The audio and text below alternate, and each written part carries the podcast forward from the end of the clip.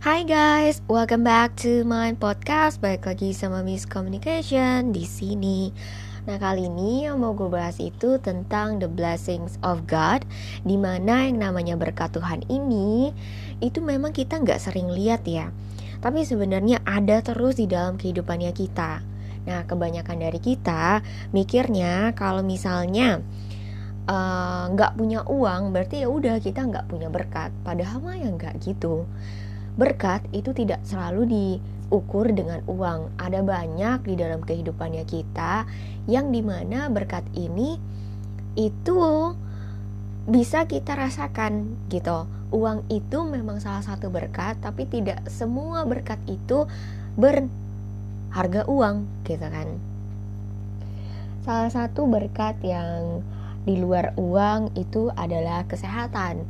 Bisa berjalan melihat terus juga mendengar terus juga sehat olahraga terus juga bisa makan enak.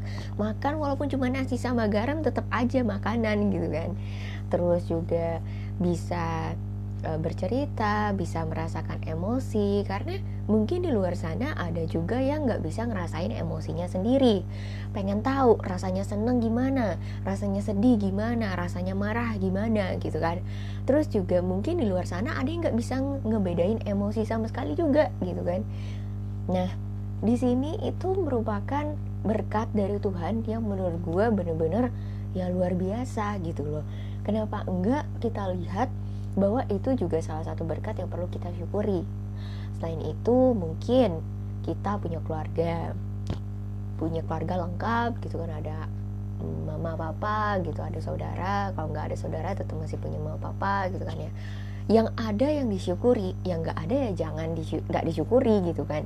Karena kita semua itu cenderung melihat sesuatu yang kita kurang dibanding orang lain. Kenapa?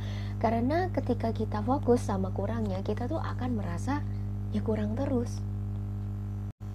Nah, udahnya um, ketika kita ngerasa itu semua berkat dan kita mengaku itu berkat dan kita juga jadi kayak ngerasa oh iya ya bener. Apa yang kita rasain sekarang itu udah salah satu yang perlu disyukuri kok. Kenapa harus lihat-lihat yang lain? Kenapa harus cari-cari yang lain? Because I live in this world. Aku hidup di dunia ini karena aku menginginkan apa yang aku inginkan. Menginginkan apa yang aku inginkan. Ya benar menginginkan apa yang aku inginkan menginginkan apa yang aku punyai dan berterima kasih atas segala yang aku punya dan dapatkan gitu. Karena ketika kita bisa melihat itu kita bisa bersyukur kita bisa berterima kasih kepada Tuhan kita juga akan lebih ringan membawa bebannya kita walaupun mungkin itu bebannya besar gitu. Karena dengan begitu kita bisa punya semangat baru setiap hari untuk melihat sesuatu yang baik terjadi di dalam kehidupannya kita. Bukan sesuatu yang kita takutkan atau what if what if gitu. Jangan-jangan jangan-jangan gitu kan. Padahal jangan-jangannya itu 92 persennya mungkin ya nggak akan kejadian gitu. Seperti yang Earl tinggal bilang, kebanyakan dari ketakutannya kita itu 92% itu ilusi gitu 8% yang mungkin kejadian jadi ya kenapa harus fokus ke 92% kalau misalnya kita bisa ubah 92% nya itu sama sesuatu yang baik yang kita inginkan terjadi di dalam hidupnya kita terkait um, apa mungkin mungkin terkait yang kejadian yang kita harapkan ternyata tidak 100% sesuai ekspektasi, ya udah nggak apa-apa. Yang penting kita tetap membayangkan sesuatu yang baik akan datang ke kita dan itu pasti akan datang. Percayalah, maka kita akan mendapatkan apa yang kita percayai. Neville Goddard juga percaya apa yang kita percayai dan kita imajinasikan bahkan kita bayangkan terjadi di dalam kehidupannya kita itu tuh kecantikan dari membuat sebuah imajinasi menjadi kenyataan di dalam hidupnya kita. Yang kita perlukan adalah kita tahu secara detail apa yang kita inginkan, gitu. Dan kita itu tuh eh, nggak uh, perlu mengimajinasikan caranya sesuai yang kita pengen gitu. Mungkin bisa seperti itu, tapi terkadang caranya itu di luar ekspektasi gitu caranya itu di luar nalar manusia yang mungkin itu memang harus kita lewati untuk mendapatkan apa yang kita inginkan salah satu contohnya itu Yusuf misalnya. Yusuf di dalam kitab kejadian lama di mana Yusuf ini um, apa namanya dijanjikan diberikan diberikan apa namanya visualisasi penglihatan di masa mendatang bahwa dia akan menjadi orang yang penting sekali gitu kan. Orang yang bahkan uh, saudara-saudaranya memberikan hormat kepada dia bahkan orang tuanya pun sama juga gitu. Tapi masalahnya ya nggak ada orang yang percaya. Siapa yang percaya? Orang dia masih muda banget kok masih kecil banget kok masih masih kayak apa namanya ya nggak kelihatan aja gitu kan. Tapi uh, dia tetap percaya dengan imajinasinya itu, dengan visualisasinya itu, dengan penglihatannya itu. Yang pada akhirnya di luar pikiran manusia, di luar pikirannya dia juga caranya untuk mendapatkan itu, malah dia harus melewati penderitaan, pencobaan, godaan yang banyak banget gitu kan. Bahkan terakhir dia juga masuk penjara gitu. Udah dibuang sama saudaranya, dijual, uh, jadi pembantu terus juga malah masuk penjara terus akhirnya setelah penderitaan itu dia bisa mendapatkan kepercayaan daripada raja yang di mana akhirnya raja juga memberikan sesuatu yang luar biasa yaitu kedudukan yang sangat tinggi untuk Yusuf ini. Sampai akhirnya penglihatannya itu menjadi nyata. Jadi kalau misalnya ditanya uh, enggak aku mau harus begini. Ketika aku pengen seperti apa jalannya harus seperti ini gitu. Ya kita nggak bisa maksain gitu caranya waktunya jalannya. Kita cuman perlu tahu oh uh, kalau bisa jangan kalau bisa juga sih. Tepat deadline harus seperti ini. Jalannya aku nggak perlu cari tahu waktunya kapan gitu terjadinya. Tapi yang jelas ini aku mau gitu. Dan kita cuman perlu percaya tetap fokus sama detailsnya dan jalanin sebisanya kita gitu. Yang paling penting bukan berpasrah karena berpasrah itu beda dengan berserah. Berpasrah itu ketika kita tidak melakukan sesuatu dan menyerahkan sepenuhnya kepada Tuhan. Kalau berserah kita melakukan sesuatu tapi semuanya kembali kepada Tuhan. Tuhan mau memberikan seperti apa, yang itukah atau yang lebih baik gitu. Karena terkadang apa yang kita inginkan belum tentu yang terbaik dan Tuhan tahu yang mana yang terbaik untuk kita. So guys, tetap percaya yang terbaik itu pasti akan datang dan percayalah, tetap percaya juga bahwa apa yang kita inginkan itu juga pasti akan datang. Jangan pernah menyerah, jangan pernah berputus asa, apalagi berpasrah. Gitu. Karena kalau dilihat-lihat nih ya, cari aja ada nggak lagu yang bilang aku berpasrah kepadamu Tuhan. Adanya aku berserah kepadamu Tuhan gitu. Dan balik lagi ke Neville Goddard ini di mana dia cerita kalau misalnya kita itu perlu mengandalkan kekuatan imajinasinya kita. Nah, terus gimana sih caranya biar kita itu tuh nggak fokus sama apa namanya uh, ke keinginannya kita 100% gitu kan. Karena kalau misalnya kita fokus terus sama keinginannya kita kita ngelihat dari circumstance atau keadaannya kita maka yang terjadi itu keraguan gitu. Kayak yang pernah gue cerita dulu aja kalau misalnya ketika gue pengen apa terus gue ngerasa kayak ragu tuh udah mulai mendekat gitu kan ya. Karena yang gue pengen kok nggak nongol nongol gitu nggak nggak muncul muncul gitu kan sampai akhirnya keraguan itu gue ikhlaskan. Dan akhirnya gue tetap percaya bahwa gue pasti akan melihat apa yang gue pengen. Dan ketika itu I let it go gitu kan. Dan tetap keep in faith itu ada kok. Itu datang kok gitu. Jadi nggak perlu takut gitu. And if you could actually feel yourself right into the situation of your fulfilled desire and continue there in until you fall asleep. Jadi tetap fokus sama imajinasinya kita, fokus sama dreamnya kita, goalnya kita, dan fokus sama detail yang kita udah dapetin gitu kan ya. Bahkan itu kita bawa sebelum kita tidur dan bangun pagi, itu akan menjadi sebuah kenyataan. Kapan?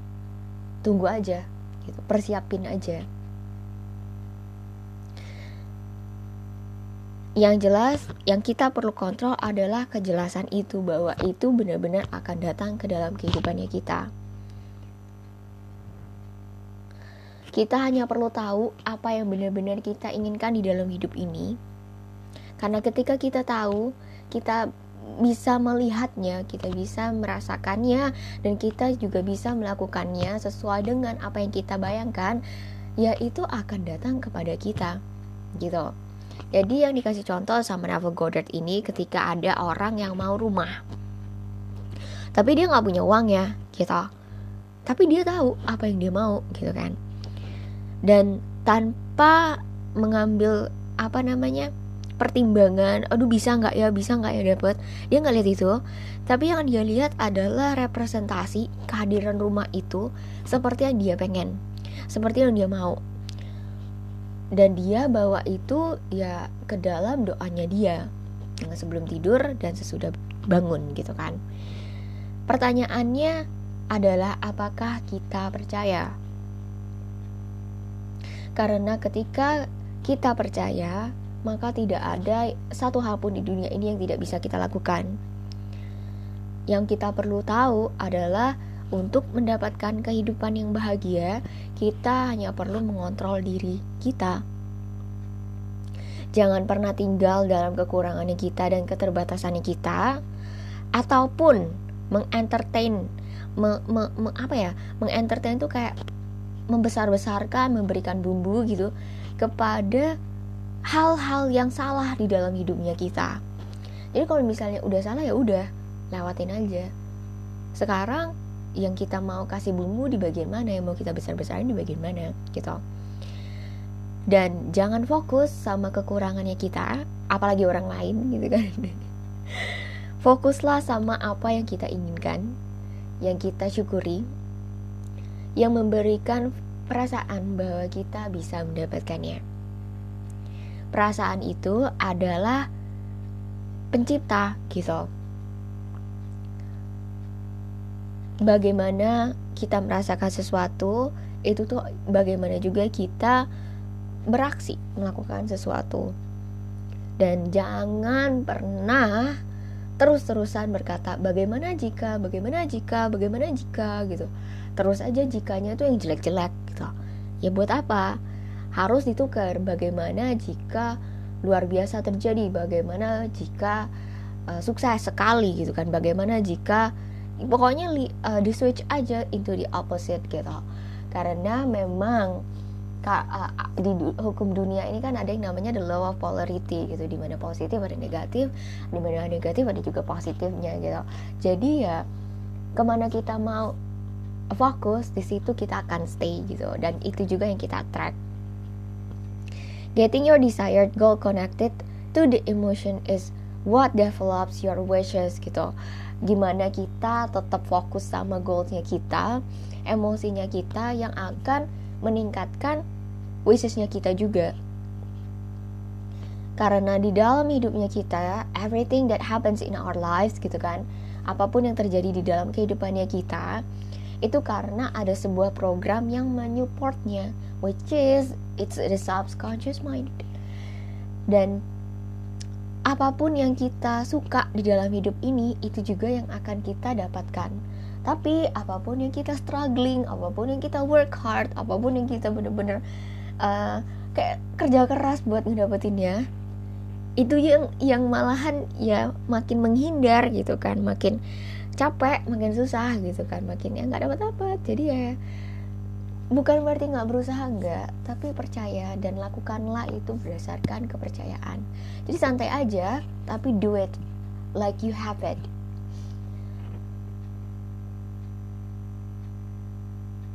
Bahkan Arnold Nightingale juga sempat bilang bahwa alasan manusia itu nggak menciptakan uang di dalam hidup pekerjaannya sampai mereka umur 65 sekalipun karena mereka jarang membangun pikirannya dalam subjek apa pun.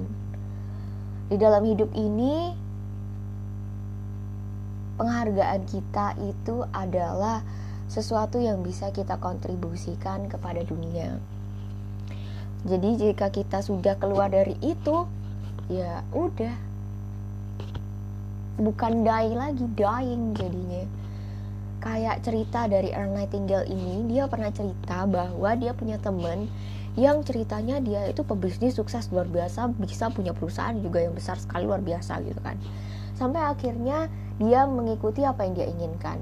Dia pengen menghabiskan uang itu di masa-masa tuanya dan dia nggak bekerja sama sekali akhirnya dia menghabis-habiskan uang berlayar dengan kapal pesiar gitu kan makan yang enak-enak wine segala macam pagi siang malam begitu terus gitu kan happy happy terus.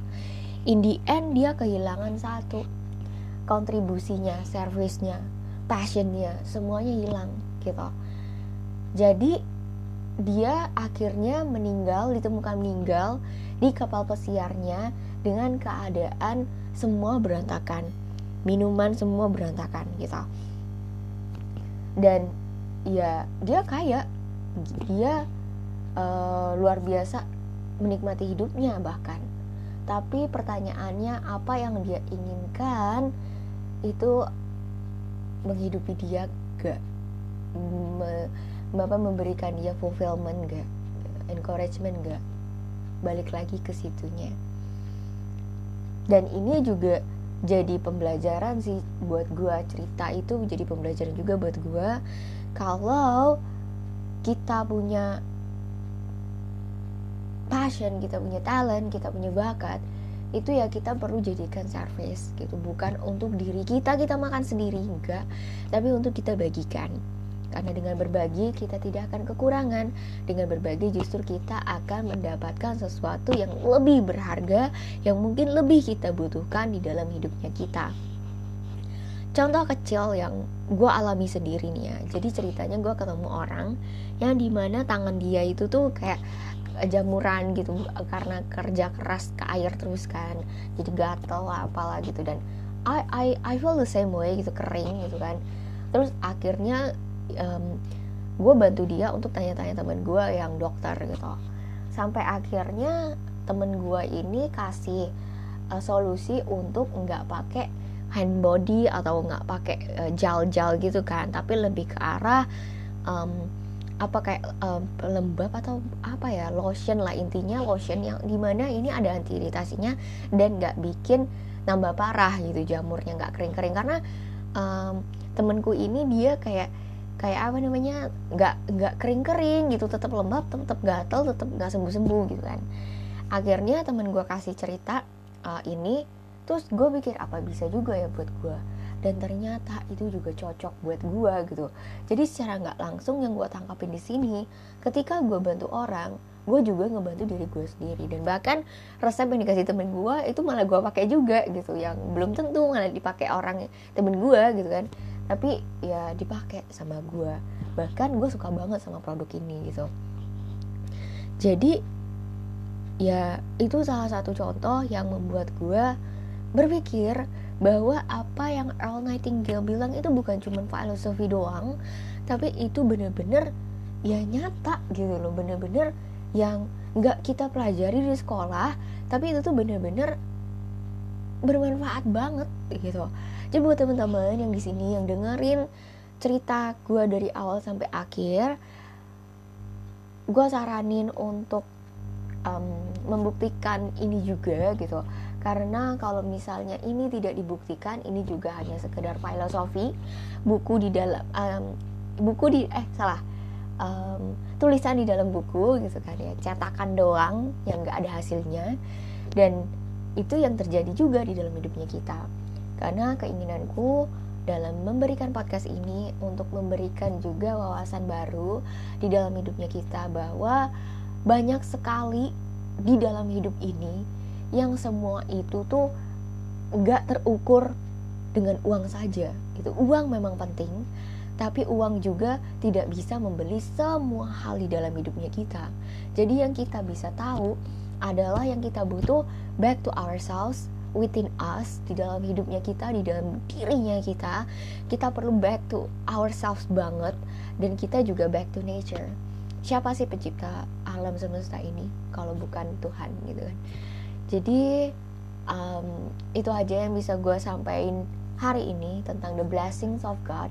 Oh ada satu cerita lagi yang baru gue alamin. Jadi ceritanya gue pernah punya murid yang gue punya murid yang di mana dia nakal banget gitu.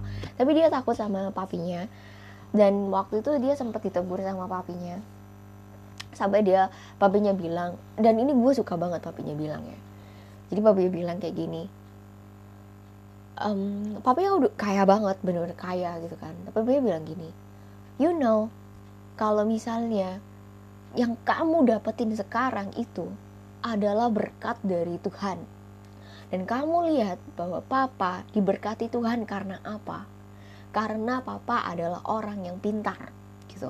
Karena papa pintar, kenapa papa bisa pintar? Karena papa belajar. Dan kamu harus belajar, jangan sia-siain waktu. Ya. Kalau enggak, gimana bisa diberkati Tuhan? Dan itu tuh menurut gue tuh luar biasa. Luar biasa apa ya? Luar biasa menginspirasi banget sih. Luar biasa. Um, something that I cannot I I can feel that the energy but I cannot say something that itu tuh bener-bener lesson banget lesson in life banget bahwa ketika kita ingin diberkati kita harus takut akan Tuhan. Dan aku takut akan Tuhan itu gimana caranya? Ya kita harus melakukan apa yang layak untuk diberkati Tuhan. Kalau misalnya kita mau diberkati dengan kekayaan ya kita harus belajar tentang ilmu kekayaan. Dan kita juga harus belajar bagaimana untuk menjadi pintar dalam mengolah kekayaan. Kalau kita tidak belajar, gimana kita bisa mendapatkan kekayaan itu gitu aja. Gimana kita bisa diberkati Tuhan itu aja. So guys I think this is all that I can share. Thank you so much for listening and I hope you have a great day. Oh don't forget to share to your friend. Jangan lupa untuk bagikan ke teman-teman kalian yang membutuhkan karena dengan berbagi kita juga akan mendapatkan berkat untuk diri kita juga. Kita akan membantu lebih banyak orang untuk terinspirasi kalaupun misalnya ada topik nih yang kalian ingin tanyakan atau topik-topik yang menurut kalian unik itu bisa kalian sharekan ke aku dengan membalas komen eh ya menjawab pertanyaan atau go to my Instagram at c o r n f r a n c i s k a Corn Francisca. Thank you so much for listening and I hope you have a great day.